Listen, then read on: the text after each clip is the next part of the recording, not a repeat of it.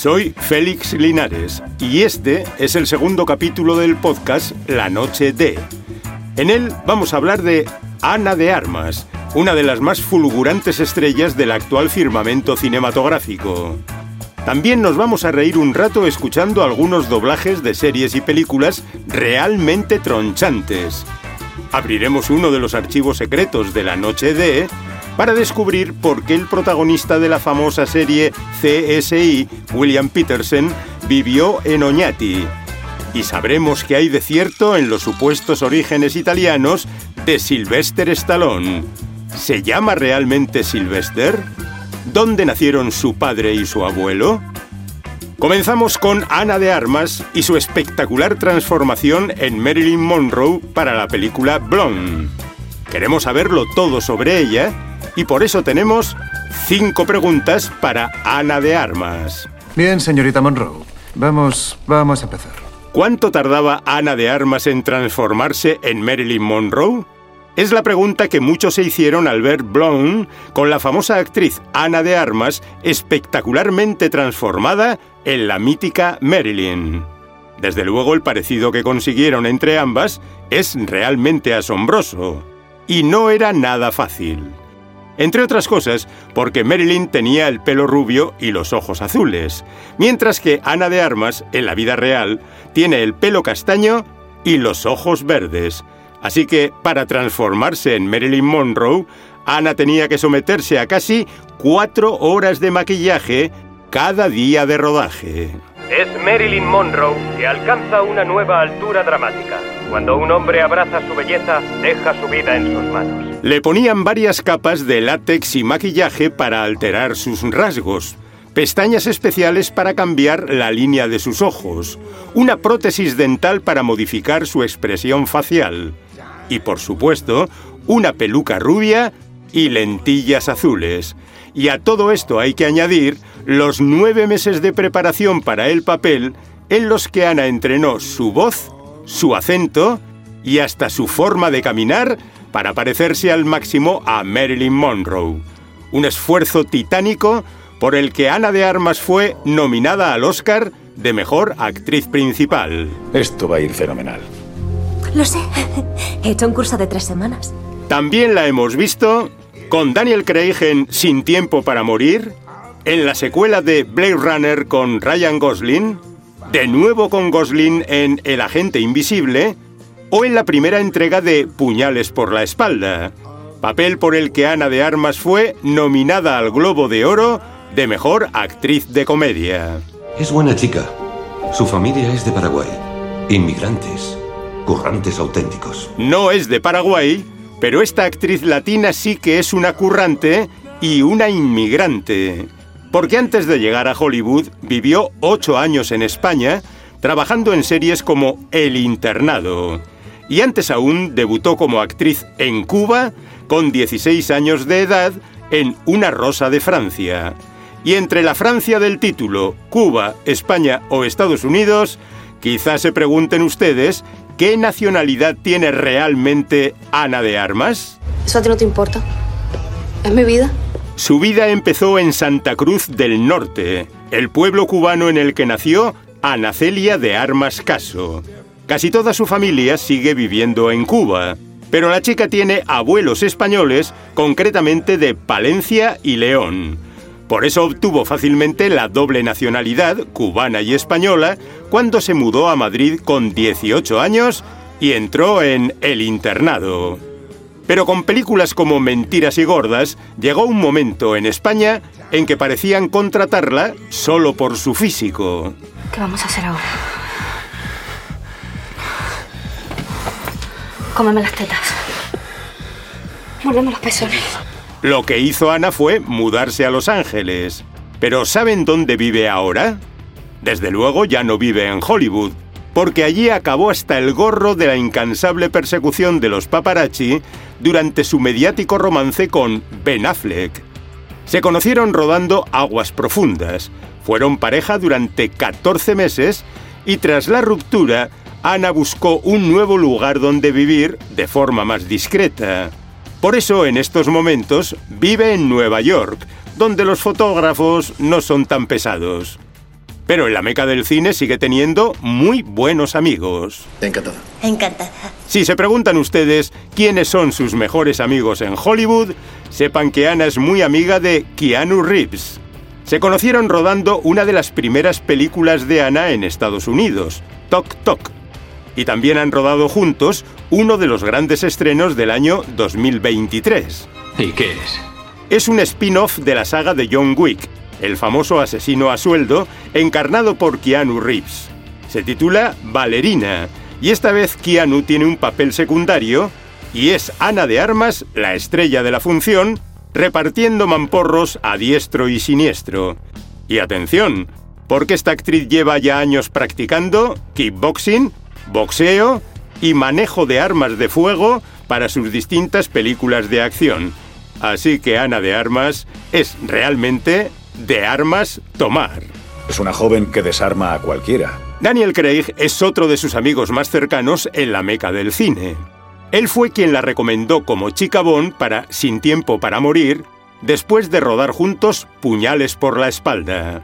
Y en ese mismo rodaje conoció Ana a otro de sus grandes amigos en Hollywood, el guaperas Chris Evans, con quien también acaba de rodar un film llamado Ghosted.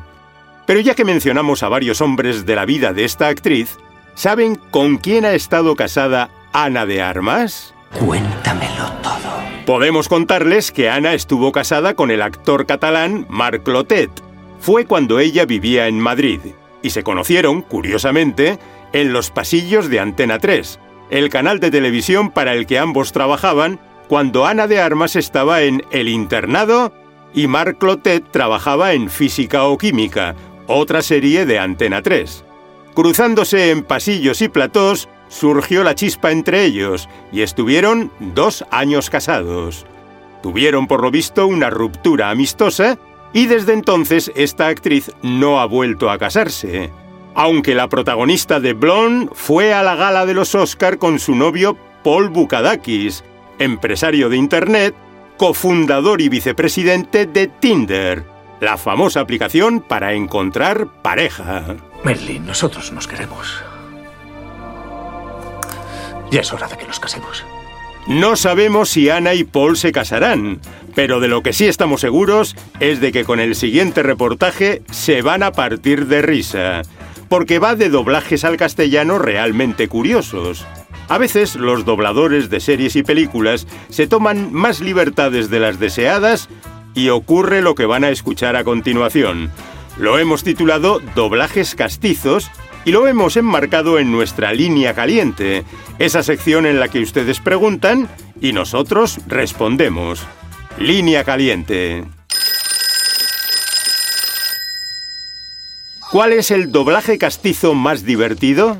Nos lo han preguntado en varias ocasiones, recordando asombrosos ejemplos de series clásicas con doblajes adaptados al público local que claramente cambiaban los diálogos originales en inglés para meter bromas y referencias más cercanas, como cuando el príncipe de Bel Air hablaba con acento andaluz. ¿Qué pasa, picha? También hubo doblajes castizos en Sabrina, la bruja adolescente, donde el gato parlante de la protagonista era, en la versión doblada, fan de Antonio Molina. Yo no maldigo mi suerte porque vinieron así. Y en Cosas de Casa aprovecharon el doblaje para meter referencias a programas de televisión de la misma cadena española en la que se emitía esta serie. ¿Por qué no pruebas a escribir a lo que necesitas es amor? Estos doblajes castizos se siguen haciendo hoy en día, aunque no tanto como antes. Y hay ejemplos muy divertidos, como en la secuela de Lluvia de Albóndigas 2, donde citaron la frase más famosa de Ana Botella cuando al protagonista de la película, a la hora del café, le ofrecen una... Relaxing cup of café con leche. Y en un curioso capítulo de Futurama, el robot de la serie se pone a tararear el himno del PP. En la versión original en inglés, el robot cantaba el himno del Partido Republicano de los Estados Unidos. Y eso explica por qué se hacen doblajes castizos. Dicen los dobladores que suelen hacerlos cuando, a su juicio, el chiste original no se entendería por jugar con referencias muy americanas que aquí nadie conoce, como el himno republicano estadounidense, aunque a veces se pasan con los cambios en doblaje, como en la película Las aventuras de Fort Fairlane.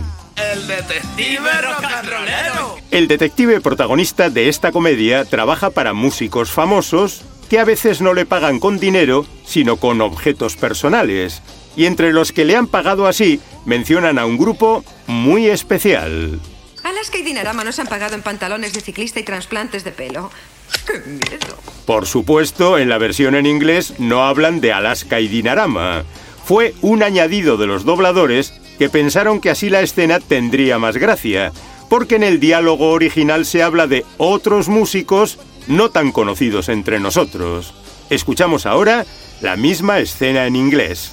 Millie Vanilli paid us off in bicycle shorts and hair extensions. Very scary. Hacían el chiste con Milli Vanilli, que tenía mucho más sentido que con Alaska, por las trenzas y culottes que a veces llevaba este peculiar dúo. Pero es que todo el doblaje de For Fairlane es un poco especial, empezando por la voz del protagonista, que fue doblado por Pablo Carbonell. El célebre showman aportó su peculiar estilo al doblaje. Tantos gilipollas y tan pocas balas. Y logró que en una escena se cantara una canción de Los Toreros Muertos, el grupo que Carbonell lideraba en aquel entonces. Escuchen. Me gusta jugar con mi amigo Manolito. Me gusta jugar con mi amigo Joselito. Estaremos de acuerdo en que esa canción queda un poco rara en una película de Hollywood. Pero es que a veces los dobladores, empeñados en mejorar el original, acaban metiendo chistes demasiado castizos. Si somos tan ricos, ¿por qué no ponemos un techo andaluz? Está claro que eso de intentar mejorar el original es muy arriesgado, aunque puede que no tanto como actuar en comprometidas obras de teatro, a menudo con importante contenido político, en la Oñati de los años 70. Y eso precisamente es lo que hizo durante todo un año el actor estadounidense William Peterson, quien años más tarde se hizo mundialmente famoso al protagonizar la serie CSI encarnando al astuto forense Grissom. Pero, ¿qué hacía William Peterson en Oñati hace 50 años? Lo vamos a descubrir ahora mismo abriendo uno de los archivos secretos de la noche D. Abriendo el archivo secreto de hoy, sabremos por qué el protagonista de CSI vivió en Oñati. Él es William Peterson, y es cierto que vivió en Oñati en su juventud durante todo un año. Tan estrecho se hizo su vínculo con Euskadi que su hija mayor nació en Arrasate y el actor le puso el vasquísimo nombre de Maite Nerea, Maite Nerea Petersen. Me llamo Gil Grissom, de Criminalística. El actor que hizo de Grissom en CSI se aficionó profundamente al montañismo durante aquel año en Oñati, subiendo cada dos por tres a la bella Sierra de Aichcorri. Y como a muchos estadounidenses, también le gustaba el baloncesto. Pero en Oñati no había equipo, así que William Peterson jugó en un equipo de Urrechu, el ya histórico Goyerri Saskibaloya, fundado pocos años antes de que el futuro actor jugara en él. Pero lo más curioso de todo es el vídeo que grabó hace ya unos años hablando en euskera. Jan Ondriak Gabon. Euskadi oso otada, baina hendia bihotzak oso.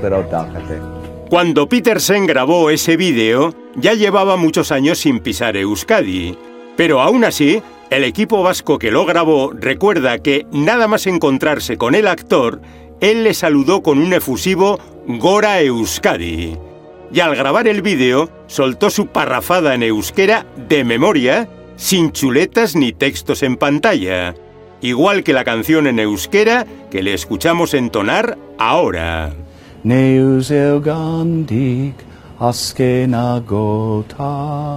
Posik dahokat bihotza.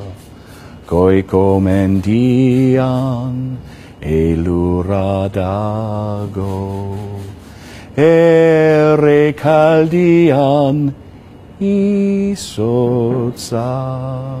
Enseguida les diremos cómo llegó Petersen a dominar el euskera y qué le llevó a Oñati en su juventud. Pero antes sepan que este actor, tan famoso que tiene su propia estrella en el Paseo de la Fama, ya encarnó a brillantes policías al comienzo de su carrera, mucho antes de entrar en CSI. Cuando era un atlético galán de ojos azules y metro 78, le vimos en la película de culto Vivir y Morir en Los Ángeles. Y en esa misma época fue el primer actor de Hollywood que se enfrentó al mítico Aníbal Lecter. Mañana iré a ver a Lecter. ¿Para qué? Para recordar el perfil. William Petersen protagonizó Hunter, primera adaptación al cine de la novela de Thomas Harris El Dragón Rojo, que fue el primer libro en el que apareció Aníbal Lecter. Y Hunter se estrenó cinco años antes que El Silencio de los Corderos, con el estupendo actor escocés Brian Cox interpretando a Lecter y Petersen encarnando a la gente que le atrapó. ¿Está usted insinuando que es más inteligente que yo porque me atrapó? No. Sé que no lo soy. Pero vamos ya con la conexión vasca de William Louis Petersen. Él nació muy cerca de Chicago, en la ciudad de Evanston, en Illinois, pero todavía era un crío cuando su familia se mudó a Boise, en Idaho, donde está la mayor comunidad vasca de Estados Unidos. Así que Petersen se crió entre descendientes de vascos, sintiéndose uno más aunque él es nieto de abuelos alemanes, y su nórdico apellido, Petersen, le viene de un bisabuelo danés. Muy interesante. El joven Billy Petersen, recién salido del instituto, sintió el gusanillo del teatro y para estudiar interpretación se apuntó a un programa de intercambio de estudiantes organizado por las autoridades de Boise intercambio con el que los alumnos estadounidenses podían vivir en el País Vasco durante un tiempo para reforzar así los lazos entre Boise y Euskadi. Lo que nos lleva de nuevo a la pregunta de ¿por qué el protagonista de CSI vivió en Oñati? Fue para estudiar arte dramático, por muy curioso que pueda parecer. He oído anécdotas. Petersen tenía 21 años cuando llegó a Oñati en el otoño de 1974. Vivió en el Oñatierra, barrio de San Lorenzo. Actuó en comprometidas obras de teatro que a menudo eran interrumpidas por la Guardia Civil. Y pese a estar en el corazón de Guipúzcoa, tuvo como profesor de interpretación a un actor inglés jubilado, un hombre llamado John Woodward. Con él aprendió William Petersen las claves del oficio hasta que de repente apareció en Oñati su novia de Boise para decirle al joven William que estaba embarazada. Creía que estaba enamorado de una chica de la facultad. La chica, de origen irlandés, se llamaba Joan Brady. Se quedó embarazada justo antes de que William Petersen viniese a Euskadi. Y cuando ella se dio cuenta del embarazo, tomó un avión para decírselo a William en persona y una vez juntos los dos jóvenes se quedaron viviendo en Oñati hasta que nació el bebé. Así fue como su hija nació en el hospital de Arrasate con el nombre de Maite Nerea Petersen. Y antes de que acabara el curso y volvieran a Estados Unidos, William y Joan se casaron. Sí. Ya me toca subir la apuesta. Estuvieron siete años casados y dos décadas después del divorcio, William Petersen se casó con su segunda y actual esposa, la italiana Gina Chirone. Ella es profesora de biología, llevan ya 19 años casados y tienen dos hijos. Así que el actor de CSI tiene tres hijos en total. Ahora ya es toda una sensación. Sensacional fue el sueldo de William Petersen en CSI. 500 mil dólares por capítulo y ha grabado 206 capítulos, así que imaginen lo rico que es. Se hizo tan popular en su papel de policía científico que hasta participó en un comité del Senado estadounidense solicitando un aumento de fondos para los laboratorios de criminología. Y eso que en sus propias palabras, cuando iba al colegio era malísimo en ciencias, Así que a veces recitaba sus diálogos técnicos en CSI sin entender ni una palabra de lo que decía. Morir es fácil. La comedia es difícil. Con lo que ganó con esta serie se pudo entregar a su verdadera pasión, el teatro. Pasión que cultivó por primera vez durante su año en Euskadi. Todavía hoy, William Peterson dice que aquel fue uno de los mejores años de mi vida. Y por eso estuvo encantado de grabar un vídeo en euskera, realizado en su momento a propuesta del gobierno vasco, al ser el actor de CSI un gran admirador de nuestra cultura. Dejamos atrás la conexión vasca de William Peterson para profundizar en los orígenes italianos de otra gran estrella de Hollywood, nada menos que Sylvester Stallone, porque su nombre de pila, Sylvester, es tan peculiar que puede parecer más un nombre artístico que un nombre verdadero. Bueno, lo vamos a descubrir ahora mismo buceando en los verdaderos orígenes de Sylvester Stallone. ¿Se llama así de verdad? Pues sí, Sylvester es su verdadero nombre. Y además se lo pusieron en honor a su abuelo, un emigrante italiano llamado Silvestro Staglioni. El abuelo del futuro actor nació en los alrededores de Bari, al sur de Italia, y buscando una vida mejor emigró a Estados Unidos con su esposa y sus hijos. Y al hacerlo cambió su apellido transformando el Staglioni en Stallone para parecer más americano. Con ese nombre falleció a punto de cumplir 80 años y está enterrado en el cementerio de Fort Lincoln, en el estado de Maryland. Su familia siempre aplaudió su tesón y su fuerza y por eso le pusieron su nombre al nieto, el hoy famoso actor, que se llama para ser exactos Michael Sylvester Gardencio Stallone. No es un nombre tan feo. ¿No? El nombre de Gardencio también es un homenaje a la familia, porque así se llamaba el hermano de su abuelo. Y hablando de nombres, ¿saben por qué a Stallone le llaman Sly? ¿Por qué? Porque Sly es el diminutivo habitual de Sylvester, y el propio Stallone prefiere que le llamen Sly porque de niño sus compañeros de clase se burlaban de su nombre, Sylvester, comparándolo con el gato silvestre, derrotado siempre por el canario Piolín, porque era un gato con pocas luces. Y así al pequeño Estalón venían a decirle que era tan tonto como el gato silvestre. Sí, pero es un problema pequeñito. El verdadero problema era que el padre de Sly compartía esa opinión. Se llamaba Francesco Estalón y a su propio hijo solía decirle, Naciste sin mucho cerebro, así que más te vale usar tu cuerpo. Espoleado por estas duras palabras, Sylvester fue forjando desde pequeño el fornido cuerpo que luciría más tarde en la saga de Rocky. Pero aún podemos contarles más sobre su peculiar padre. Es una larga historia. Francesco Stallone también nació en Italia como el abuelo Silvestro y era todavía un niño cuando la familia al completo emigró a Estados Unidos. Curiosamente, Francesco volvió a Europa para luchar en la Segunda Guerra Mundial alistado en el ejército estadounidense. Terminada la guerra, volvió a Nueva York y allí se hizo peluquero. Llegó a montar una pequeña cadena de peluquerías. Se aficionó al culturismo. Su hijo Sylvester heredó la afición por las pesas y el resto ya es historia del cine. Por cierto, Francesco, el padre del futuro Rambo, tenía fama de ir siempre muy bien vestido. Bonita corbata. No estamos muy seguros de que Sylvester Stallone haya heredado la elegancia de su padre Francesco. Pero ¿quiénes somos nosotros para juzgar a las estrellas? Así terminamos por hoy. La Noche D es un podcast producido por Zoomin para EITV Podcast. Presenta un servidor, Félix Linares. El guion es cosa de David Erauskin y Eduardo Llorente, y dirige el propio Eduardo Llorente. Suscríbete y escucha La Noche D en EITV Podcast o en la plataforma que prefieras.